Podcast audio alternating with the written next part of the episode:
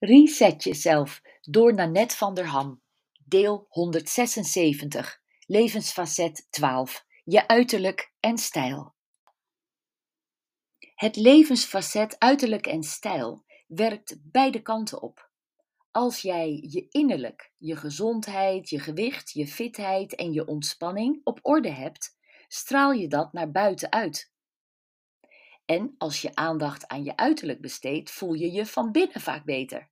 Heerlijk dus om met je uiterlijk en je persoonlijke stijl aan de slag te gaan. Zoek jij een partner? Misschien heb je wel iemand op het oog. Wat is het uiterlijk van die ander? Pas jij daarbij? Zal die ander geïnteresseerd zijn in jou op basis van je uiterlijk? Oei, dit is een kwetsbaar punt. Te veel je best doen heeft een averechts effect op een potentiële partner en te weinig ook.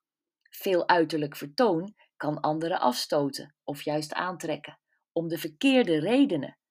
Om van je te profiteren bijvoorbeeld, of om met je te pronken. Je uiterlijk is je visitekaartje en moet congruent zijn met je innerlijk.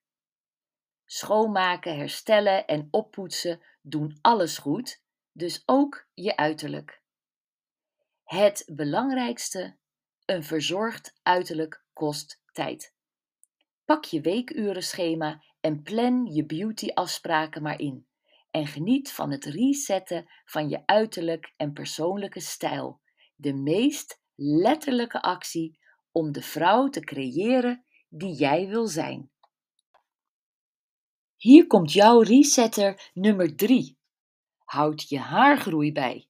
Of je je wel of niet geschoren, gewakst of geëpileerd hebt, maakt het verschil tussen je slonsig of sexy voelen.